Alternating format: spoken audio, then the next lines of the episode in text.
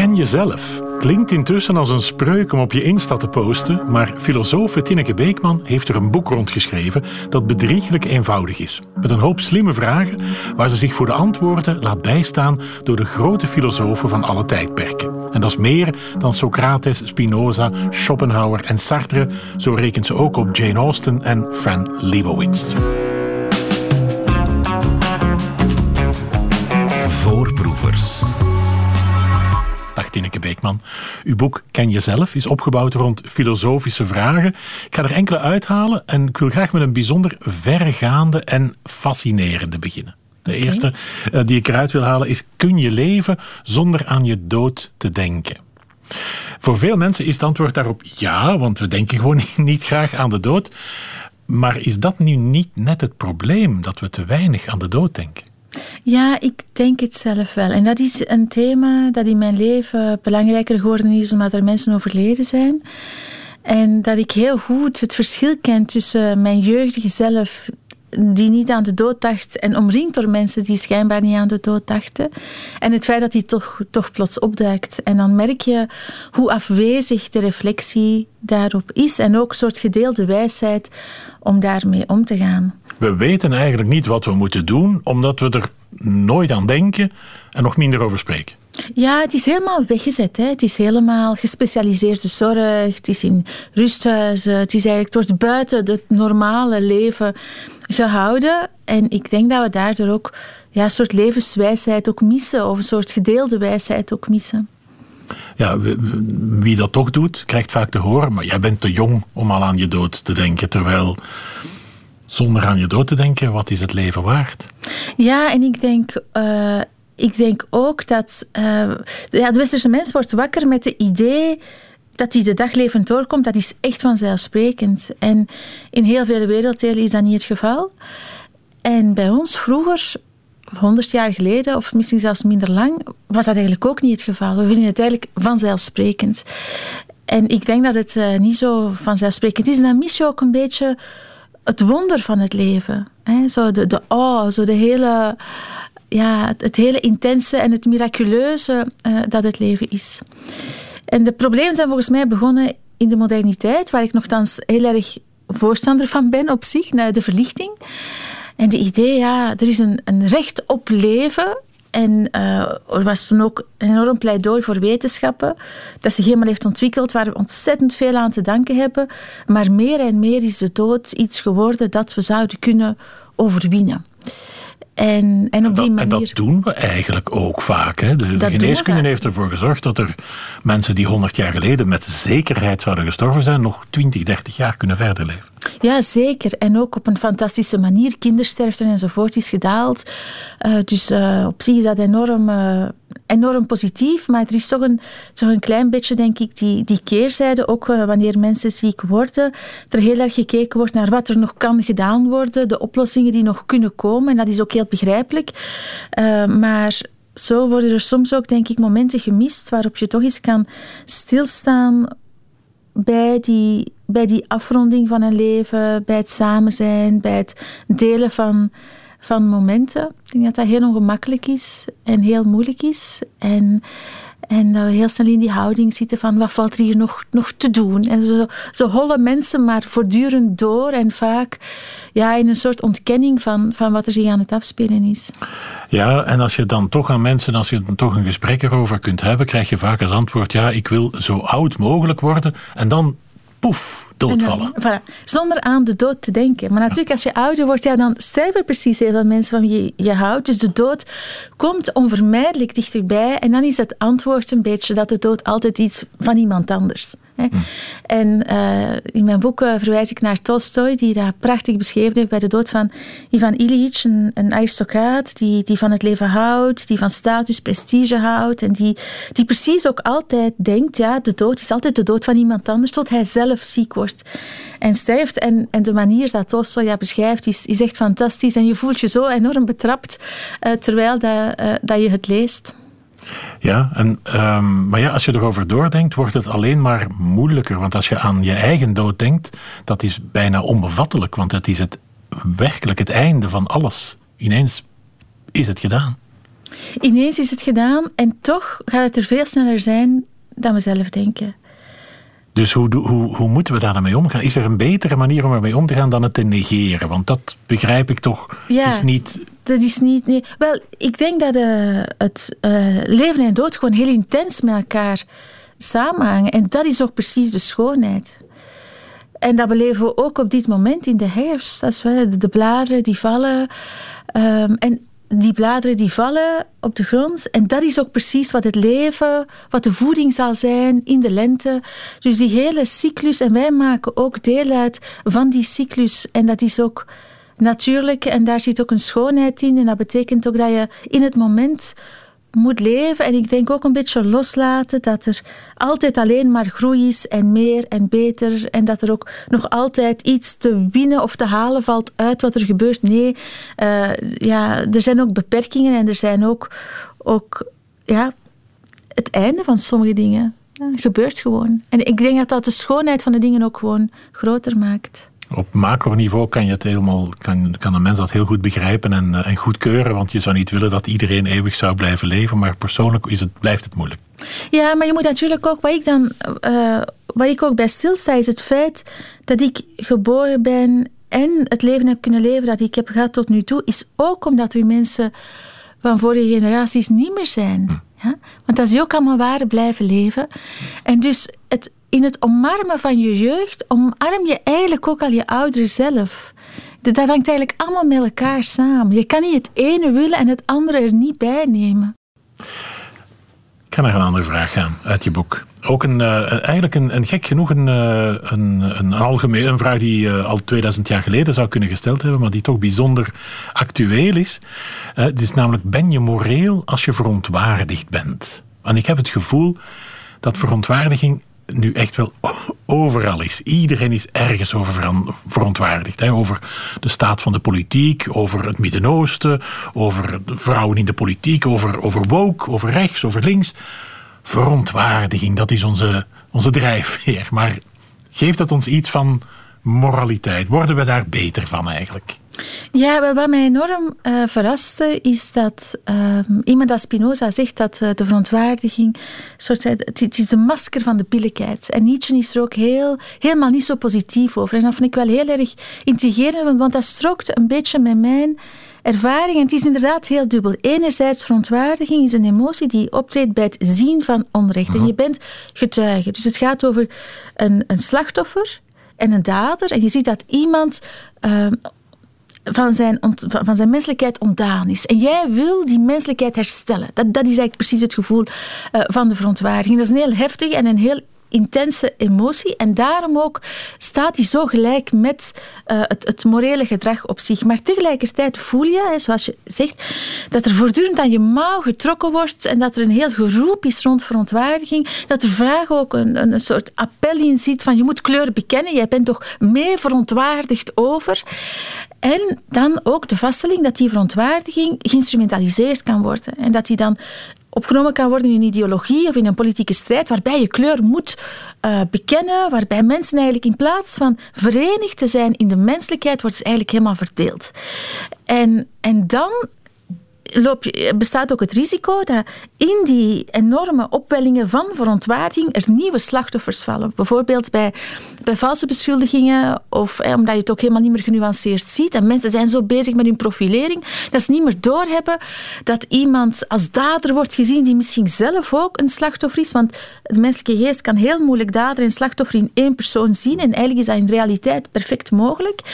En dan wordt er opnieuw onrecht begaan. En, eh, en daarom dat ik eh, een enorme behoefte voel om terug te grijpen naar wat Camus beschrijft als de verontwaardiging, als een hele persoonlijke, individuele oprisping, maar wel die je verbindt met de mens en niet een verontwaardiging die je verdeelt. En ik vind dat interessant omdat dat ook toelaat om, om na te denken over welk appel voor verontwaardiging er is. En als het er is, niet alleen voor, maar vooral tegen bepaalde mensen, ja, dan, dan vind ik het eigenlijk bijna een vorm van verzet om er afstand van te nemen. Soms kan in zo'n hectische tijden als vandaag, in chaotische, verwarrende tijden, afstand nemen, rust nemen, ook een daad van verzet zijn dat je zegt, mijn geest is van mij en mijn denken is van mij en ook mijn emoties zijn van mij en ik ga proberen niet meegesleept te worden in allemaal emoties die van buitenaf komen, maar mij afvragen, wat voel ik echt, wat vind ik echt? En van dat, dat innerlijke gesprek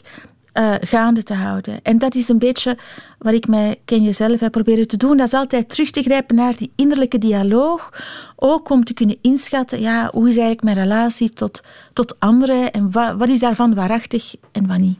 Want je wordt er kapot gestresseerd van eigenlijk, hè, als je al die verontwaardiging op je af laat komen. Ja, je, wordt er, je bent er helemaal uitgeput van. Je wordt er ook helemaal moedeloos van. Uh, je voelt je ook altijd een soort verraad als je dan de ene of de andere kant kiest, terwijl het ook perfect mogelijk is om begrip te hebben voor beide kanten. Het is niet, de erkenning voor het leed van iemand is niet de miskenning van het leed van iemand anders, integendeel. Opnieuw zit je daar met die menselijkheid die, die precies verbindend kan zijn. En, uh, en dus ja, ik, denk, ik vind dat ook een soort van zelfzorg van mentale gezondheid, van te zeggen, ik ga, ik ga daar toch uh, met hele kleine dosissen mee, mee omspringen. En toch is er niks mooier dan iemand die zich het lot van een ander aantrekt.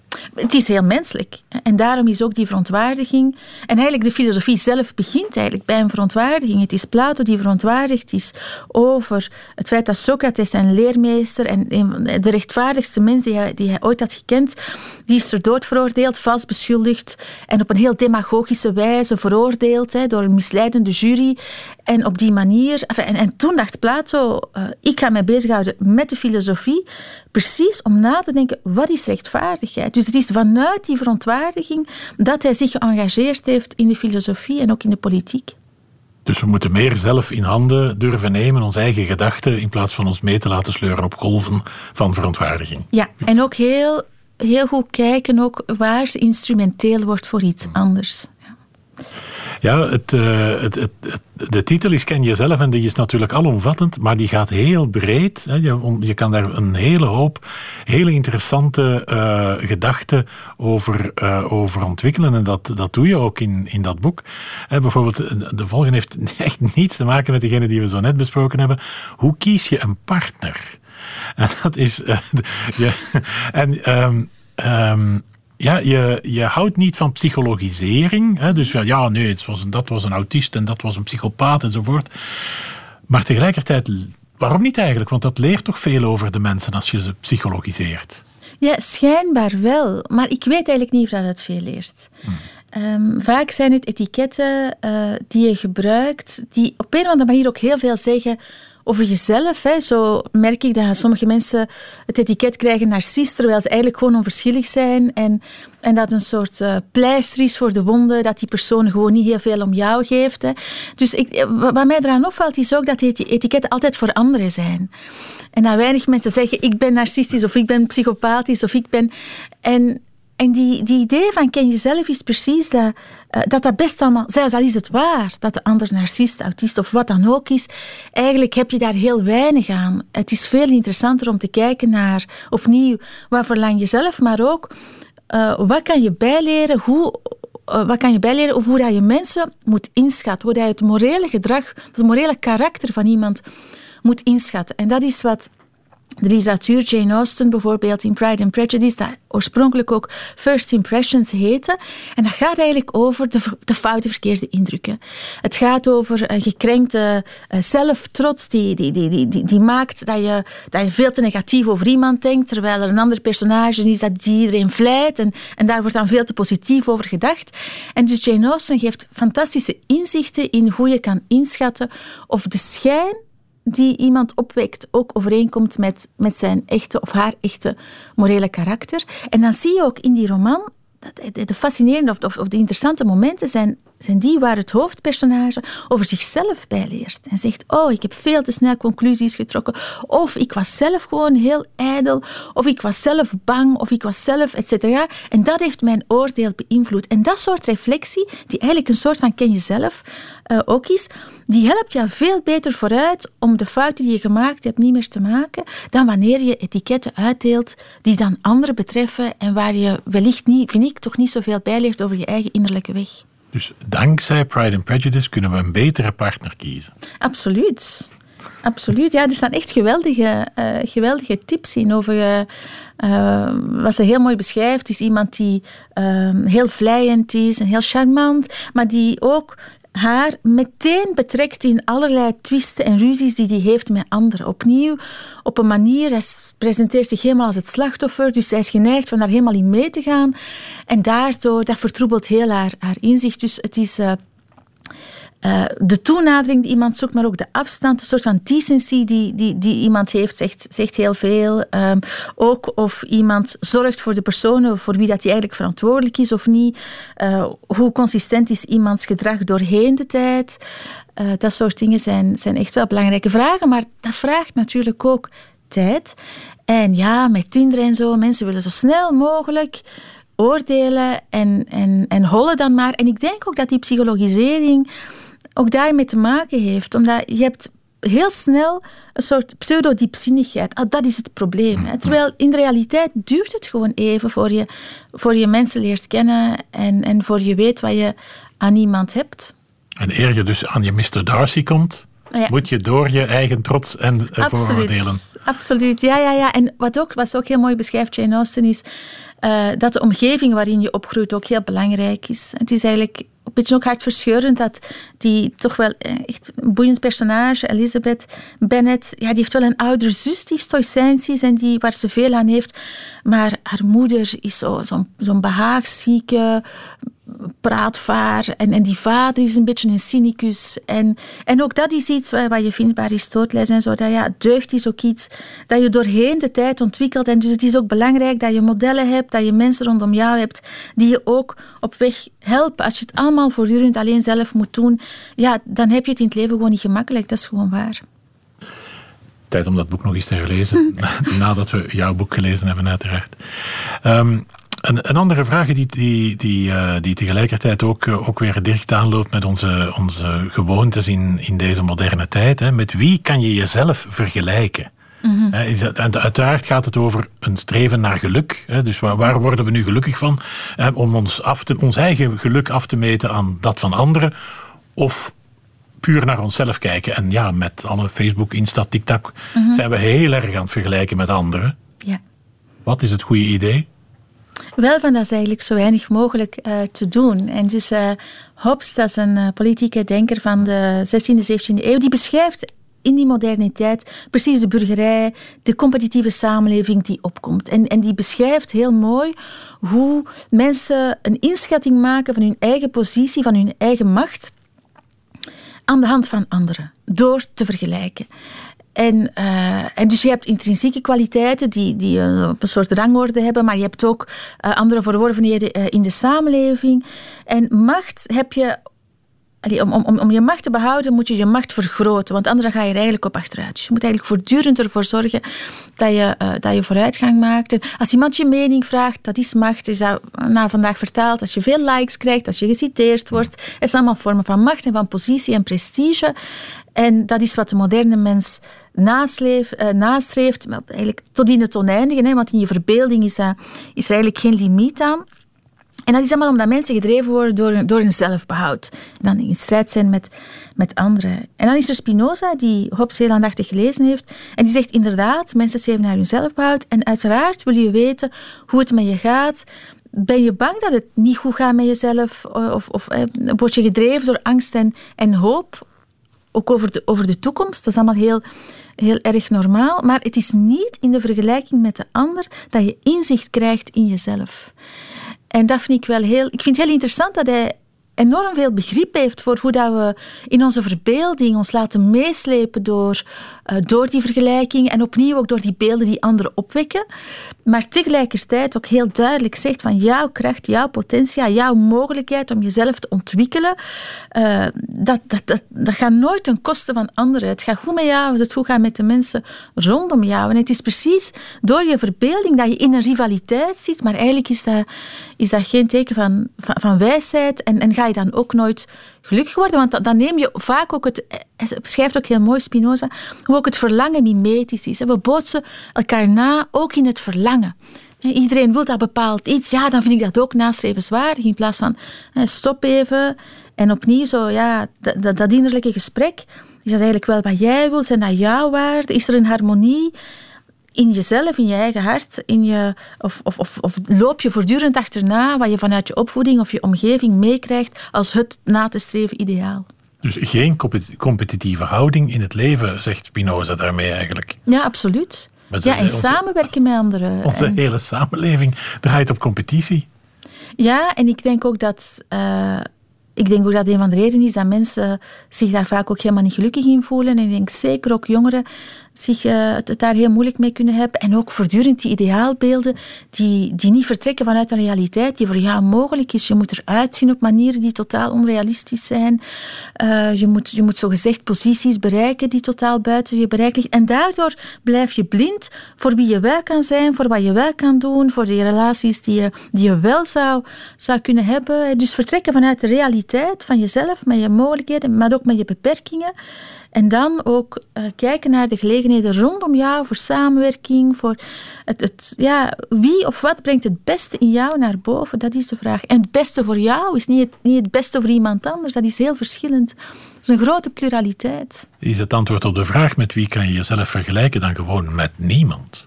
Ja, ofwel met jezelf in de zin van dat je uh, voor de dingen die je niet goed vindt, of dat je kan proberen vanuit jezelf wel beter te doen. Dus als je zegt, uh, ik heb uh, een, een, een, kans laten liggen, of ik heb tegenover iemand iets gedaan dat ik niet had moeten doen, of van daar wel over na te denken. En dan, wat waren mijn motieven? Nu is het allemaal gekomen, maar dan ook van, van eventueel op dat vlak beter te doen. Dus je kan wel een soort eikpunt hebben, maar, maar niet een, een eikpunt dat helemaal buiten jezelf ligt en waar je geen, geen enkele controle over hebt. En komen dan dichter bij het ware geluk?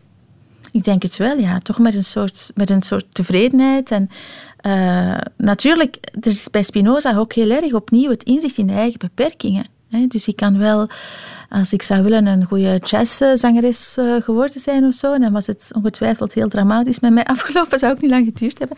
En dus er is wel een, soort realisme van je zit in een bepaalde context met bepaalde capaciteit, omringd door bepaalde mensen en, en daarmee moet je het dan ook wel, wel rooien. Maar, maar uh, hoe meer dat je daarop uh, focust, hoe, hoe beter het ook met jezelf kan gaan.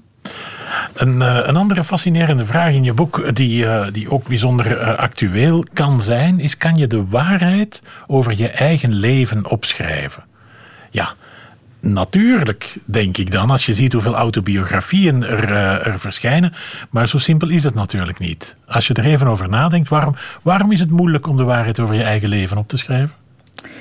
Het is, wel om te beginnen, als je alles zou opschrijven, dan bleef je leven twee keer. En dat is eigenlijk onmogelijk. Maar je hebt natuurlijk ook ja, gaten in je geheugen. Uh, je hebt een hele uh, een hele selectieve manier ook om naar jezelf te kijken. Er zijn ook allerlei blinde vlekken. Er zijn ook rationaliseringen. Als je dingen deed die niet zo fraai zijn, dat je daar eigenlijk toch altijd wel een soort eh, uitleg voor hebt. En, maar eigenlijk het hele project is opnieuw een project van de moderniteit. En het is Jean-Jacques Rousseau die dat probeert. Uh, meer nog dan Augustinus met zijn beleidnissen, wat toch heel erg ook wel te maken had met een soort zoektocht naar, naar verlossing. Of meer nog dan uh, Montaigne met zijn uh, met zijn essays, omdat Rousseau eigenlijk zichzelf de absolutie wil geven. Ja.